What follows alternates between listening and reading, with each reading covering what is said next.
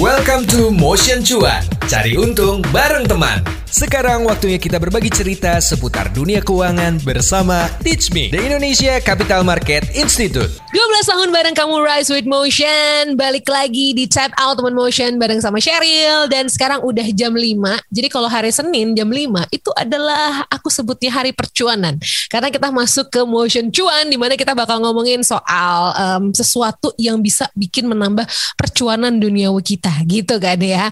Nah udah beberapa minggu ini kita tuh ngobrol-ngobrol terus bareng sama Teach Me The Indonesia Capital Market Institute. Banyak banget hal yang udah kita obrolin Dari cara financial planning Dari ngomongin saham itu apa aja Ya kan? Nah hari ini karena udah hari Senin Berarti saatnya kita ngobrol-ngobrol lagi bareng sama Teach Me, oke. Okay? Hari ini pembahasannya seru karena um, mungkin ada yang tertarik nih karena sekarang tuh udah mulai hits lagi yang namanya saham dan pasar modal gitu ya. Terus aku tuh punya temen yang selalu ada di Instastory nih, di Instastory dia tuh kerjanya di pasar modal. Kok melihat hidupnya tuh kayaknya enak gitu ya. ini nggak tahu apakah benar atau enggak, tapi maksudnya uh, kalau aku tuh kan selalu takut sama yang berbau-bau financial gitu ya, berbau-bau angka nggak bisa. Tapi kok kayaknya itu santai-santai aja gitu.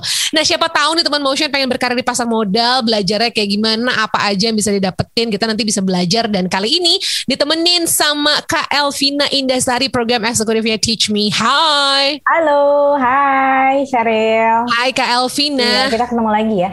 Nah, kita bertemu lagi di PPKM darurat ini ya. Apa kabar Kak sehat?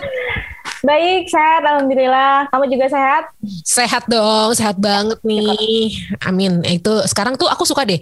One uh, one of the best thing dari pandemic adalah kita selalu mendoakan orang-orang tuh sehat-sehat ya betul, gitu kan. Betul, itu tuh betul dulu banget, enggak loh. Betul. Uh, biarin aja gitu ya. ya biasa aja gitu kayak keadaannya gitu. Sehat-sehat ya, gitu tuh jarang ya kan.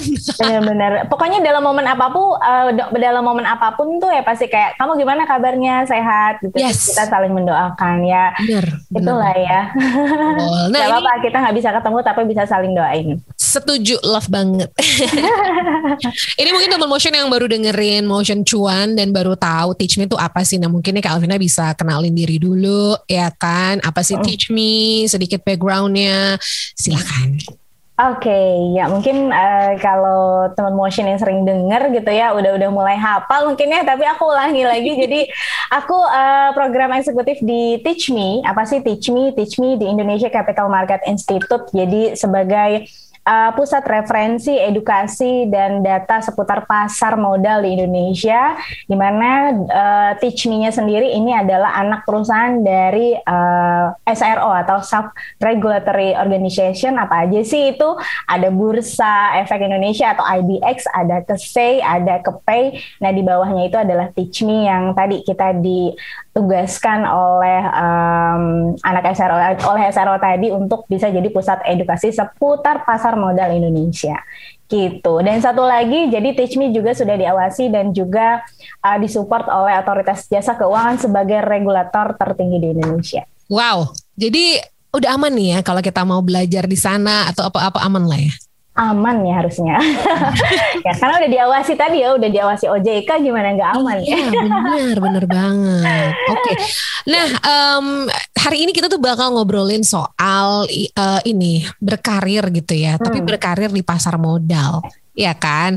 Nah, kita mungkin ke ini dulu. Apa sih pasar modal gitu ya? Sebenarnya nah. secara singkatnya untuk teman motion yang emang masih buta banget gitu. Aku tuh juga sebelum sering ngobrol sama Teach Me bener-bener nggak paham loh teman motion. Asli gitu ya. Paling cuma uh, denger hijau. aja ya. Asli, aku tuh masih lugu banget waktu itu. Sekarang udah nggak lugu lagi berarti. Udah nggak lugu at all. Iya, jadi kalau ngomongin pasar modal, uh, yaitu tadi ya, kalau buat teman motion yang kita akan ngomongin masalah karir seputar pasar modal. Buat yang tertarik harus tahu dulu nih sebenarnya apa sih, jangan nanti terjun tapi nggak tahu sebenarnya. Jadi uh, simpelnya pasar modal ini kegiatan yang berhubungan dengan penawaran umum atau perdagangan efek ya. Efek ini apa sih? Ya efek itu seputar ya uh, di dalamnya termasuk seperti saham obligasi yang diperjualbelikan banyak sebenarnya. Gitu teman-teman. Jadi kalau masuk dalam dunia pasar modal nanti ya harus terbiasa dengan ya tadi istilah-istilah tadi ya efek emiten. Wah nanti dijelasin deh banyak. Uh, banyak ya. Aku pengen tanya dulu nih ya kan? Kak kalau sejarahnya pasar modal di Indonesia tuh gimana sih Oke, okay. sebenarnya kalau ngomongin sejarah panjang nih Sheryl. Ya. Panjang nih bisa dua dua hari cukup gak? Dua hari. Kayak bisa melatih serial drakor nih, wah kepanjangan Wah. kalau itu ya. Jadi kalau uh, singkatnya sejarah pasar uh, modal Indonesia ini ada empat fase ya, kurang lebih uh, ada beberapa fase. Fase yang pertama ini adalah fase kolonial. Nah lo, hmm, uh, jadi nih ya, penjajahan ya, ya karena memang terjadi dalam masa penjajahan itu Sheryl di masa kolonial ini uh, di IDX sendiri menginformasikan atau mengumumkan bahwa pasar modal ini berdiri tahun 1912 lama banget ya, belum lahir kan? Wow, wow. ya itu karena memang dalam kondisi uh, dalam masa uh, penjajahan juga ya 1912. Kemudian di fase selanjutnya ada uh, masa perang dunia. Nah di fase ini uh, pasar modal ini sempat vakum Sheryl. Kenapa? Ya karena tadi terjadinya perang dunia tahun 1914 sampai 1918. Jadi selama kurang lebih empat tahun ini memang uh, bursa efek di Batavia ini vakum ya karena efek dari tadi perang dunia itu ya. Kemudian uh, selanjutnya uh, berjalannya waktu sampai memasuki fase Orde Baru Nah, ketika itu Presiden Soeharto menjabat sebagai uh, Presiden Indonesia dan perekonomian di Indonesia juga saat itu mulai bangkit. Nah, kemudian pada masa Orde Baru ini tahun 1977 Bursa Efek kembali aktif kembali dengan pertumbuhannya. Nah, salah satu bentuk pertumbuhannya adalah uh, saat itu uh, kita punya emiten pertama kali di Indonesia, Sheryl, hmm. yaitu PT Semen Cibinong yang go public. Nah, gitu. Jadi ditandai dengan uh, perkembangan uh, pertumbuhan dari pasar modal itu sendiri sampai yes. dengan uh, tahun 2007 Mm-hmm. Uh, pada saat itu bursa efek itu masih terpecah jadi dua nih Sheryl. Ada bursa efek Jakarta, ada bursa efek Surabaya. Oh iya, aku inget tuh. Iya, zaman itu dulu berapa? Itu tahun 2007 tuh akhirnya iya, dilebur jadi satu. Iya iya benar benar nah. karena dulu ingat namanya BEJ. Ya BEJ Bursa yes. Efek Jakarta ya bukan uh, belum BEI. Nah tapi 2007 uh, Bursa Efek Jakarta dengan Bursa Efek Surabaya dilebur jadi satu. Iya, iya. Oh. Ya dilebur jadi satu. Di, kemudian uh, disebut dengan sekarang Bursa Efek Indonesia. Dan uh, seiring berjalannya waktu juga tahun 2011 uh, OJK itu juga mulai diperkenalkan di Indonesia sebagai regulator tertinggi di Indonesia. Jadi apalagi kalau ngomongin perkembangannya sampai di titik sekarang 2021 uh, sudah banyak sekali perkembangan uh, di bursa efek Indonesia ya. Uh, contohnya gini, dulu tuh kalau orang mau beli saham, Cheryl, mm. uh, beli 100 lembar, pulangnya yeah. bawa lembaran kertas. Iya iya iya aku dengar masih masih ya lebaran ya kertas kan. iya ya kenapa kayak gitu ya? Iya ya karena memang semuanya uh, masih uh, belum secanggih sekarang ya. Sekarang bayangin orang beli saham cuma tinggal uh, buka gadget aja gitu ya. Uh-huh. Pendaftaran di perusahaan sekuritasnya juga melalui gadget, belinya di di gadget, buktinya nggak perlu pakai kertas dengan lembar-lembaran. Bayangin kalau punya seribu uh, lembar saham misalkan gitu ya. Jadi sekarang udah nggak pakai lembar-lembaran kertas. Jadi segitu perkembangan uh, bursa efek Indonesia dengan segala kecanggihannya sampai sekarang kita nikmati yaitu uh, kita jauh lebih mudah sih Ya benar banget sih. Ya itulah ya. Dengan adanya segala macam sistem yang lebih baru ini harusnya sih makin oke. Okay. Udah pasti makin oke. Okay. Udah udah pasti oke okay. ya. Tinggal masyarakatnya nih ya dengan segala ke, apa kemudahan yang sudah di, uh, diciptakan yang udah dibuat gitu masyarakat.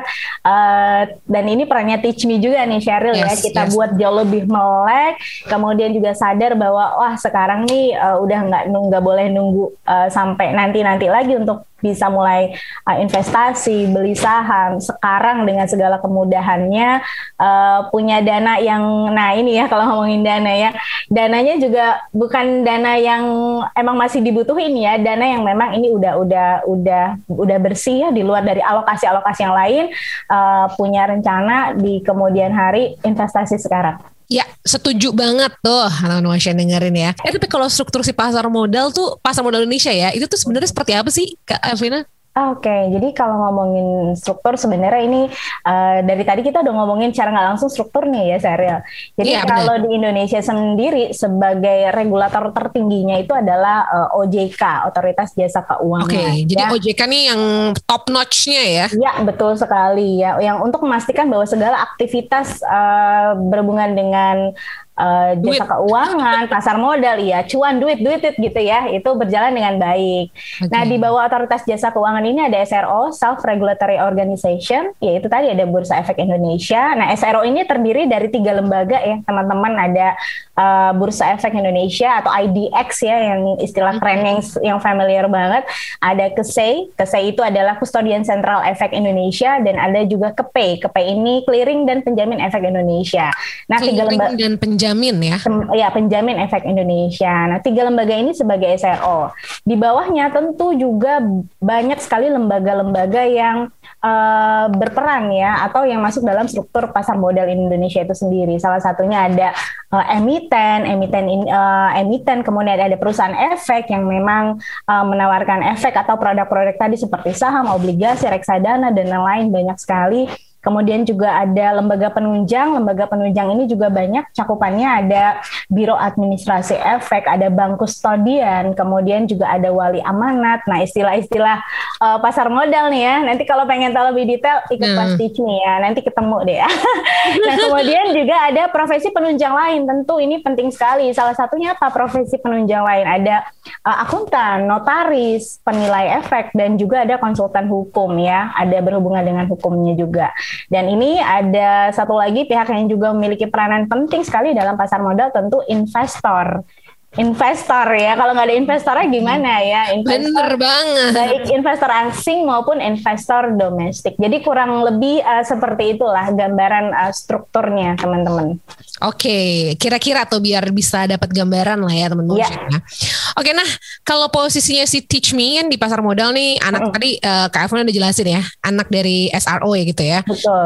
Edukasi, referensi pasar modal dan lain-lain. Nah mungkin nih harus disampaikan lagi nih terkait dengan layanan edukasi yang ada di Teach Me. Mm. Uh, mungkin ada yang oke, okay, gue sebenarnya tertarik nih gitu ke, mm. boleh Kak Elvina jelaskan? Oke, kalau ngomongin layan, layanan edukasi di Teach Me itu banyak sekali. Ini banyaknya apa? Banyak, banyak gitu ya. nah, tapi tapi di sini uh, biar lebih memudahkan Teach Me ini punya uh, kita sebutnya pendidikan berjenjang ya. Jadi uh, ada tiga pendidikan berjenjang di Teach Me. Yang pertama pendidikan berjenjang investor. Ya, yang kedua ada pendidikan berjenjang untuk profesional. Hmm? Yang ketiga pendidikan berjenjang akademisi. Nah, mahasiswa, bapak ibu dosen gitu. Jadi, jadi sekali lagi ada tiga, ada untuk investor, profesional, dan juga akademisi. Hmm. Nah, aku akan bahas kupas tuntas satu-satu. Okay. Uh, eh, pendidikan berjenjang investor. Uh, Teach Me ini menawarkan ada ada ada empat program. Yang pertama ada financial awareness. Nah, ini yang yang Teach Me sama Motion FM eh, apa namanya sering kita bahas ya tentang financial awareness gitu ya teman-teman motion. Nah ini juga program yang ada di uh, investor. Selain itu juga kita punya investment awareness. Nah, ini membahas mengenai apa? Jadi di investment awareness ini membahas mengenai bagaimana sih cara uh, cerdas mengelola mengelola keuangan. Kemudian juga ada sekolah pasar modal reksadana. Okay. Yang ketiga ada new investor. Nah ini buat uh, teman-teman motion yang tadi ya yang aduh pengen mulai investasi tapi bingung caranya gimana ya gitu ya untuk newbie newbie nih yes. ini bisa ikut kelas new investornya Teach Me Wah, karena cakep. kita nah cocok banget kan bisa uh, kalau pengen tahu gimana cara ikutannya bisa langsung buka Instagramnya Teach Me ya kita kita teach ada jadwal terdekat ya Teach mm -hmm. Me Now ada jadwal terdekat untuk sekolah pasar modal saham teman-teman ini untuk para newbie beginner yang baru mau terjun dalam dunia pasar modal atau pengen tahu mm. seputar investasi Nah, uh, eh, SPM ini ada dua, ada pasar modal saham, kemudian ada pasar modal saham syariah. Ya, mungkin okay. buat teman-teman motion yang uh, oke, okay, uh, eh, mungkin pengen uh, investasi tapi fokusnya ke produk-produk syariah. Nah, ini juga juga ada kelas khususnya. Kemudian yang terakhir ini kita punya active investor, Cheryl. Okay. Kalau tadi untuk newbie, active investor ini untuk yang uh, sudah uh, pro dikit lah ya. Pro ya, istilahnya pro ya sekarang. Istilahnya iya dia udah pro lah. Ya, Levelnya pro. udah lumayan lah. Nggak kaleng-kaleng ya, iya. udah udah pro. Kenapa? Karena uh, di program ini membahas mengenai uh, fundamental analisis, technical lah, udah udah hmm. udah levelnya udah pro tadi lah ya. Kemudian juga gimana cara ngebaca market outlook. Nah ini semua ada di pendidikan berjenjang investor, Cheryl. Oke, okay. tuh. Ya pendidikan berjenjang investor. Ngeri nggak? Ada lagi, iya, dan Apa masih lagi, ada Kak? lagi, masih ada lagi. Tadi udah investor, ini yang profesional. Nah ini profesional, pendidikan berjenjang profesional ini kita juga menawarkan empat program, ada workshop. Nah, workshop seputar eh, pasar modal ini Teach Me juga ada. Eh, salah satunya mengenai program pendidikan berkelanjutan atau istilahnya PPL. Kemudian ada juga capital market workshop dan ada in-house training. In-house training itu biasanya untuk corporate-corporate ya yang memang biasanya kalau di kantor-kantor kan eh, ada ada workshop ya. Nah, ada kebutuhan waktu seputar capital market bisa loh lewat Teach Me gitu. Dan kita juga pasti menghadirkan para narasumber yang memang sudah sangat kompeten dalam dunia pasar modal. Kemudian ada exam preparation. Nah, exam preparation ini ada tadi eh, kalau Cheryl sebutin ya, Cheryl CFA misalkan ya, Chartered. Financial Analyst. Kemudian ada ada CFP. Nah, ini yang yang juga banyak sekali ya sekarang kan Certified Financial Planner. Nah, ini untuk exam preparation. Kemudian ada sertifikasi juga. Sertifikasi yang tadi kita bahas nih, Cheryl. Ada WMI, ada WPPE, ada WPEE gitu ya. Kemudian juga ada sertifikasi Investor Relation. Sertifikasi-sertifikasi eh, dalam dunia pasar modal. Yang terakhir ada International Class. International Class ini eh, banyak sekali, di mana kita juga bekerja sama dengan bursa efek dari negara lain tentunya, Cheryl Yes. eh, membahas mengenai eh, topik-topiknya ya seputar capital market, kemudian eh, ETF dan lain-lain. Yang terakhir, nah banyak banget kan mabok nih Banyak. Cheryl ya dengerinnya ya. langsung nggak mabok langsung daftar. Yang terakhir adalah eh, pendidikan berjenjang akademisi. Nah ini untuk teman-teman mahasiswa, kemudian juga bapak ibu dosen, ya kita juga mengadakan Teach Me Goes to Campus. Kemudian juga ada workshop seputar eh, aplikasi praktis pasar modal dan juga ada program magang. Nah biasanya kalau anak-anak kampus nih yang dicari kan, aduh ada program magang apa gitu, yang mungkin juga eh, ambil jurusannya di bidang eh, ekonomi bisnis gitu ya, pengen magang bisa juga loh di Teach Me. Kemudian kita juga ada training of trainer untuk bapak ibu dosen dan selain itu kita juga eh, punya referensi seputar pasar modal dan kegiatan-kegiatan lainnya. Salah satunya misalkan ada Teach Me Capital Market Conference, International Conference. Nah, Teach Me juga mengadakan itu. Gitu Sheryl, wah banyak banget ya. Jadi sekali lagi tadi ada pendidikan berjenjang investor, profesional, dan akademisi. Jadi teman-teman ini bisa menyesuaikan pengen ikut kelas yang mana, pengen ikut program yang mana sesuai dengan eh, ketertarikan dan juga minatnya. Tuh, nanti abis ini kita bakal bahas tuh kan udah panjang lebar apa aja kelas-kelasnya yang ada di sana. Mm-mm. Tapi karena tadi udah kelas berarti sebagai pusat pengembangan profesi ya. Ya. Dan mungkin boleh dijelasin nih macam-macam profesi yang ada di pasar modal. Oke, sebenarnya kalau ngomongin profesi di pasar modal banyak banget nih ya Cheryl. Tapi uh, umumnya nih ya, biar teman-teman motion juga nggak bingung nanti kalau dijelasin, uh, aku jelasin salah satunya untuk karir di pasar modal itu ada ini broker broker dealer istilahnya, Cheryl ya. Nah, uh, gimana sih caranya biar jadi broker dealer? Nah itu tadi kalau tadi aku udah jelasin masa, Cheryl ulang. Maaf, maaf, maaf. Oke, eh, Flow-nya, flow-nya aku jelasin dulu satu-satu. Oke, ulang Bentar. lagi boleh? Sorry. apa namanya? eh, Son dipotong aja ya. Mas Son dipotong ya Mas Son. Langsung aja ngomongin. Oke. Ya, jadi kalau ngomongin profesi di pasar modal ini banyak banget Cheryl ya. Hmm. Ada broker dealer, ada investment manager, ada underwriters, ada syariah advisor ya karena sekarang produk syariah juga eh, banyak diminati ya di Yes. Indonesia. Nah, yang umum ini eh, ada broker dealer. Gimana sih caranya biar jadi eh, bisa jadi broker dealer ya orang yang eh, jadi perantara melakukan penjualan efek tadi gitu loh Cheryl ya. Oh, oh, Jadi apa marketingnya ya ibaratnya ya simpelnya Oh, iya. marketingnya gitu ya sebutannya broker dealer. Nah eh, mudah banget bisa langsung ambil sertifikasi WPPE. Nah ini yang paling basic banget Cheryl. Anak mahasiswa aja ya, anak-anak mahasiswa ini banyak loh yang udah ambil sertifikasi ini. Ya mungkin sambil sambil kuliah bisa juga tuh kan eh, bisa melakukan penjualan efek gitu ya bisa kalau misalkan ada orang yang mau buka saham nah dia bisa bantu gitu proses itu nah caranya dengan ikut sertifikasi wakil perantara pedagang efek Syaratnya ini uh, minimal lulusan SMA aja udah bisa ambil sertifikasi ini. Oke. Okay. Cheryl ya, itu untuk broker dealer. Kemudian juga uh, buat ikut kelas wakil perantara pedagang efek tadi atau WPPE ini, Teach Me punya kelas online-nya. Jadi gampang banget ya. Hmm. Jadi bisa ikut kelasnya secara online, bisa sambil kuliah di rumah ikut sertifikasi, bisa langsung jadi broker dealer, gampang banget tuh kan. Selanjutnya untuk uh, investment manager. Nah, ini mungkin levelnya udah jauh lebih tinggi, Sheryl. Okay. Uh, sertifikasi apa sih yang diam, uh, bisa diambil kalau mau jadi investment manager? Hmm. Kalau misalkan uh, basicnya tadi udah ambil wakil perantara pedagang efek atau WPPE, uh, naik lagi itu uh, WMI, wakil manajer investasi wakil manajer investasi atau WMI ya. ya nah, ya. Teach Me sendiri sudah punya lebih dari 1.800 lulusan WMI Nah, banyak banget kan. Jadi Teach Me sudah melahirkan 1.800 lulusan wakil manajer investasi di Indonesia. Dan ini juga untuk memudahkan teman-teman ikut kelas sertifikasinya, bisa Teach Me uh, menyediakan kelas online-nya. Tuh gampang banget. Jadi mau ikut sertifikasi atau pelatihan semuanya sekarang sudah dilakukan secara online nih Sheryl ya. Jadi yep.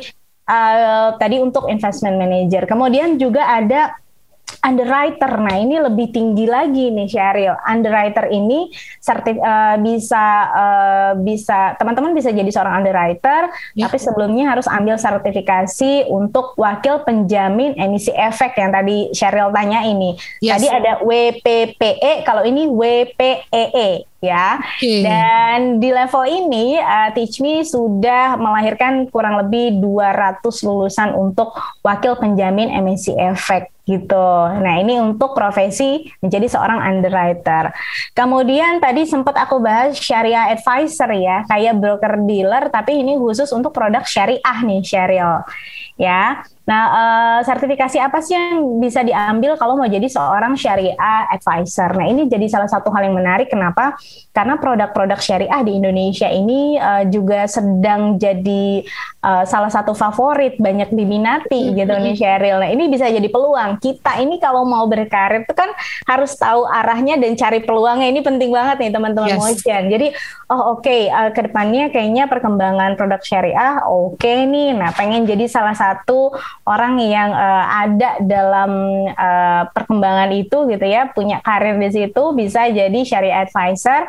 Sertifikasi apa yang diambil? Bisa ambil uh, eh, ASPM, ahli syariah pasar modal. Nah, nanti kalau udah ambil sertifikasi itu bisa jadi syariah advisor nih teman-teman Motion. Nah, itu seputar kurang lebih uh, karir dalam pasar modal ya Yes, benar. Itu kira-kira ya. ya. Uh, apa namanya profesi yang ada di sana dan juga berkarirnya seperti apa ya. gitu. Nah, berarti kalau perjalanan karir awal tadi yang itu ya, uh, broker itu ya. Broker dealer ya. Broker Karena dealer. lulusan SMA aja udah yes. bisa ambil sertifikasi itu. Nah, ini yes, mahasiswa yes. banyak banget yang ambil Sheryl. Oke, okay. misalnya gini, um, ada nih udah lulusan, oke, okay, let's say lulusannya ekonomi gitu kan, udah nyambung hmm. banget ya, hmm. gitu kan. Apakah apakah masih penting atau apakah harus untuk memiliki sertifikat profesi itu? Nah lo, ini ibaratnya kayak gini, uh, beli nasi goreng, mm-hmm. ya, beli nasi goreng itu kan lebih enak kalau ditambahin pakai telur, pakai kerupuk, gitu kan ya, aduh enak banget, pakai acar gitu ya. Ah, gila. Nah ini analoginya bahaya juga nih lagi. ibarat ibarat nasi goreng ditambahin telur, kerupuk itu makin oke, okay, makin enak, makin nikmat makannya. Bener nggak Sheryl? Ya, ya, nah, sama ya, halnya kayak tadi udah lulusan uh, ekonomi, jurusan ekonomi bisnis misalkan. Terus uh, bayangin setelah lulus itu berapa ribu orang yang punya gelar yang sama sama sama sama teman-teman yang mungkin gelarnya tadi ya uh, ekonomi dan bisnis. Hmm. Berapa orang saingannya banyak banget. Kalau misalkan teman motion nggak punya value added atau point plus gitu ya, gimana nanti bisa dilirik sama perusahaan-perusahaan di di di sektor pasar modal. Itu ya. Jadi hmm. pentingnya punya sertifikasi. Oke, okay, oke okay, lulusan ekonomi bisnis punya uh, punya poin plus apa lagi? Oh, saya sudah punya sertifikasi uh, WPPE dari Teach Me. Nah, itu kan jadi wah cakep nih ya. Oke, okay, lolos gitu. Jadi kalau ditanya penting nggak penting buat aku analogi analoginya kayak tadi kayak nasi goreng kalau udah ditambahin telur, kerupuk, pakai acar wah itu lengkap, lebih oke okay gitu. banget. Lengkap paket lengkap gitu ya. Dan uh, itu yang paling banyak dicari tentunya. Ya, ya. Karena kalau cuma nasi goreng doang, semua orang banyak ibaratnya gitu. Iya, bener banget. Nah, oke, okay. ini menarik banget ternyata ya. Ternyata uh, di pasar modal nih lumayan menjanjikan kalau misalnya teman motion pengen belajar dan berkarir dan emang uh, punya ketertarikan di bidang itu gitu ya. Tapi mungkin ini pertanyaan terakhir nih, Kak mm Uh, industri kan ketika kita mau berkarya kita mesti tahu nih industrinya lagi seru apalagi lesu nih oh, gitu kan ya kan. Nah, kalau industri pasar modal sekarang lagi gimana sih? Apalagi tumbuh nggak nih? Apalagi di masa pandemi orang-orang pada jor-joran investasi walaupun iya. ya investasi ini banyak yang newbie ya, yang baru-baru nyobain gitu. Betul banget. Betul banget ya. Kalau istilahnya tuh kayak ini lagi aktif-aktifnya bun. Oh iya bun. lagi aktif bun ya. Ini lagi iya. aktif-aktifnya ya karena perkembangannya luar biasa. Uh, kalau tadinya orang berpikir pandemik, orang uh, mungkin banyak sekali kekhawatiran, tapi realitanya justru di masa pandemik jumlah investor uh, di bursa efek Indonesia tuh melesat luar biasa ya. Ini uh, aku sambil uh, baca data ya. Jadi yes. jadi Cheryl pertumbuhan di pasar modal Indonesia ini uh, luar biasa sekali pesatnya ditandai dengan uh, perusahaan yang sudah masuk listing di bursa efek di 2010 itu baru 420 uh, eh, 11 tahun kemudian itu mengalami uh, jumlah yang sangat pesat sekali. Sekarang kita sudah punya 724 perusahaan yang sudah masuk listing. Wow. Jadi makin makin bingung nih ya teman-teman gitu kan, makin bingung. Oke, okay, mau beli saham apa gitu kan ya? Karena pilihannya luar biasa. Sudah ada 724 uh, perusahaan yang masuk listing. Kemudian ngomongin jumlah investor. Nah, ini hal yang mengagetkan banget ketika 2021 atau 2020 ke 2021 saat lagi pandemik uh, jumlah investor kita itu naik 406 persen. Bisa bayangin nggak Cheryl? Jadi sekitar 2,2 juta investor sekarang. Uh, dan itu tadi uh, bagian dari 2,2 juta itu adalah orang-orang yang masih baru, masih newbie gitu ya. Uh, apalagi milenial, milenial ini menyumbangkan angka yang luar biasa sekali gitu, Cheryl. Jadi itu tadi kalau ditanya bagaimana perkembangan pasar modal sekarang, wah ini lagi aktif-aktifnya, lagi seru-serunya. Orang tuh banyak sekali mulai kayak melek gitu ya mulai melek tentang uh, investasi, tentang saham, uh, sadar pentingnya perencanaan keuangan dan lain-lain dan kita happy dan ini peran Teachme sekali lagi memberikan edukasi untuk itu biar masyarakat Indonesia uh, lebih banyak punya uh, apa literasi inklusi seputar pasar modal biar jauh lebih sadar lagi biar melek lagi bahwa investasi itu penting sekali. Oh, investasi penting dan juga teman motion karena investasi penting dan sekarang udah banyak investor-investor baru, pasar modal juga lagi bergeliat walaupun kondisinya ini masih pandemi ya. Kita iya. kalau kata orang-orang ih serem gitu kan waktu awal iya, pandemi betul. juga. Tapi yang menariknya ada satu nih sebelum kita tutup ya, hmm. uh, waktu awal pandemi yang tahun lalu itu sempat emang drop banget ya. Iya. Sampai uh, kalau lagi drop banget itu harus tutup ya kalau nggak salah ya. Kapan? Aduh, kalau lagi drop, kalau ada duit lebih sih beli yang banyak ya. Oh, itu. Tapi ya. Ada yang insta, ada yang insta story. Kalau gue tahu ya tahun lalu itu bakal kayak gini, gue beli yang banyak. Beli bulan yang banyak gitu kan ya, ya. Tapi tentu uh, satu lagi, kalau ngomongin saham itu, ini yang perlu teman-teman motion tahu bahwa uh, kalau ngomongin kalau ngelihat cuannya itu wah itu menggoda banget ya. Mm. Tapi uh, terlepas dari itu bahwa ketika memutuskan uh, masuk dalam dunia uh, investasi saham Eh, kita harus menyesuaikan profil resiko kita. Nah itu penting banget, gitu ya. Itu penting ya. banget. Jadi buat dapat buat bisa dapat cuan yang besar di kemudian hari ini teman-teman motion, pahami profil resikonya, kemudian juga pastikan bahwa dananya ketika berinvestasi itu dana yang sudah uh, melewati sisa apa ya, uh, di luar dari alokasi alokasi kewajiban setiap bulan ya teman-teman. Jangan sampai kesandung ini bahaya banget ya Sheryl. dan dan pastikan kalau misalkan investasinya untuk jangka panjang maka cuannya insya Allah juga akan jauh lebih besar. Iya, iya, iya, benar, benar, benar. Oh, aduh, seru sekali kalau udah ngomongin cuan ya. Jadi buat teman motion yang oke, okay, kayaknya gue mau nih ngambil sertifikasi, mau coba berkarir di pasar. Nah, itu penting banget. Hmm. Penting kan, penting untuk nggak cuma nggak usah nggak usah mau berkarir deh, cuma pengen jadi investor aja itu penting banget untuk tahu karena di Teach Me juga ada kelas kayak uh, oh, pasar modal. Ya, investor nah. yang newbie gitu-gitu ya. segala macam. Jadi buat teman motion yang cinta mati sama namanya promo ada promo early bird ya. Langsung dibuka aja Teach Me Now. Di sana banyak banget kelas-kelas yang bisa diikutin sampai kelas persiapan ujian CFP, CFE bla bla bla itu semuanya ada ya Dan kalau masih ragu-ragu, ya ampun, ini Teach Me ini, ini anak perusahaan dari IDX, KP, dan juga KC. Jadi mau ragu apa lagi, mau apa lagi gitu nih, perusahaan dari regulatornya ibaratnya gitu lah ya. Nah, buat teman motion ya yang pengen daftar kelasnya buka aja langsung Instagramnya at Teach Me Now dan juga di websitenya teachme.co.id. Betul begitu Kak Elvina? Betul banget. Oke Kak Elvina, terima kasih banyak sore-sore ini sudah ngobrol di sini di Motion Sama-sama, Cheryl. Ya. Um, semoga teman Motion juga terinspirasi ya untuk tahu sebenarnya gue pengen apa sih? Oh ternyata selama ini mungkin oh, uh, passionnya tuh di bagian perduitan pasar modal. perduitan. Aduh, perduitan ya. Oke, Kak Elvina terima kasih stay Ya, healthy terus ya. Sama-sama, sama-sama Cheryl. Bye-bye. Bye. Itu dia Motion Cuan, cari untung bareng teman bersama Teach Me, The Indonesia Capital Market Institute. Teach Me merupakan anak perusahaan dari Bursa Efek Indonesia yang sudah diakui dan diawasi langsung oleh OJK. Sampai ketemu di episode Motion Cuan bersama Teach Me minggu depan.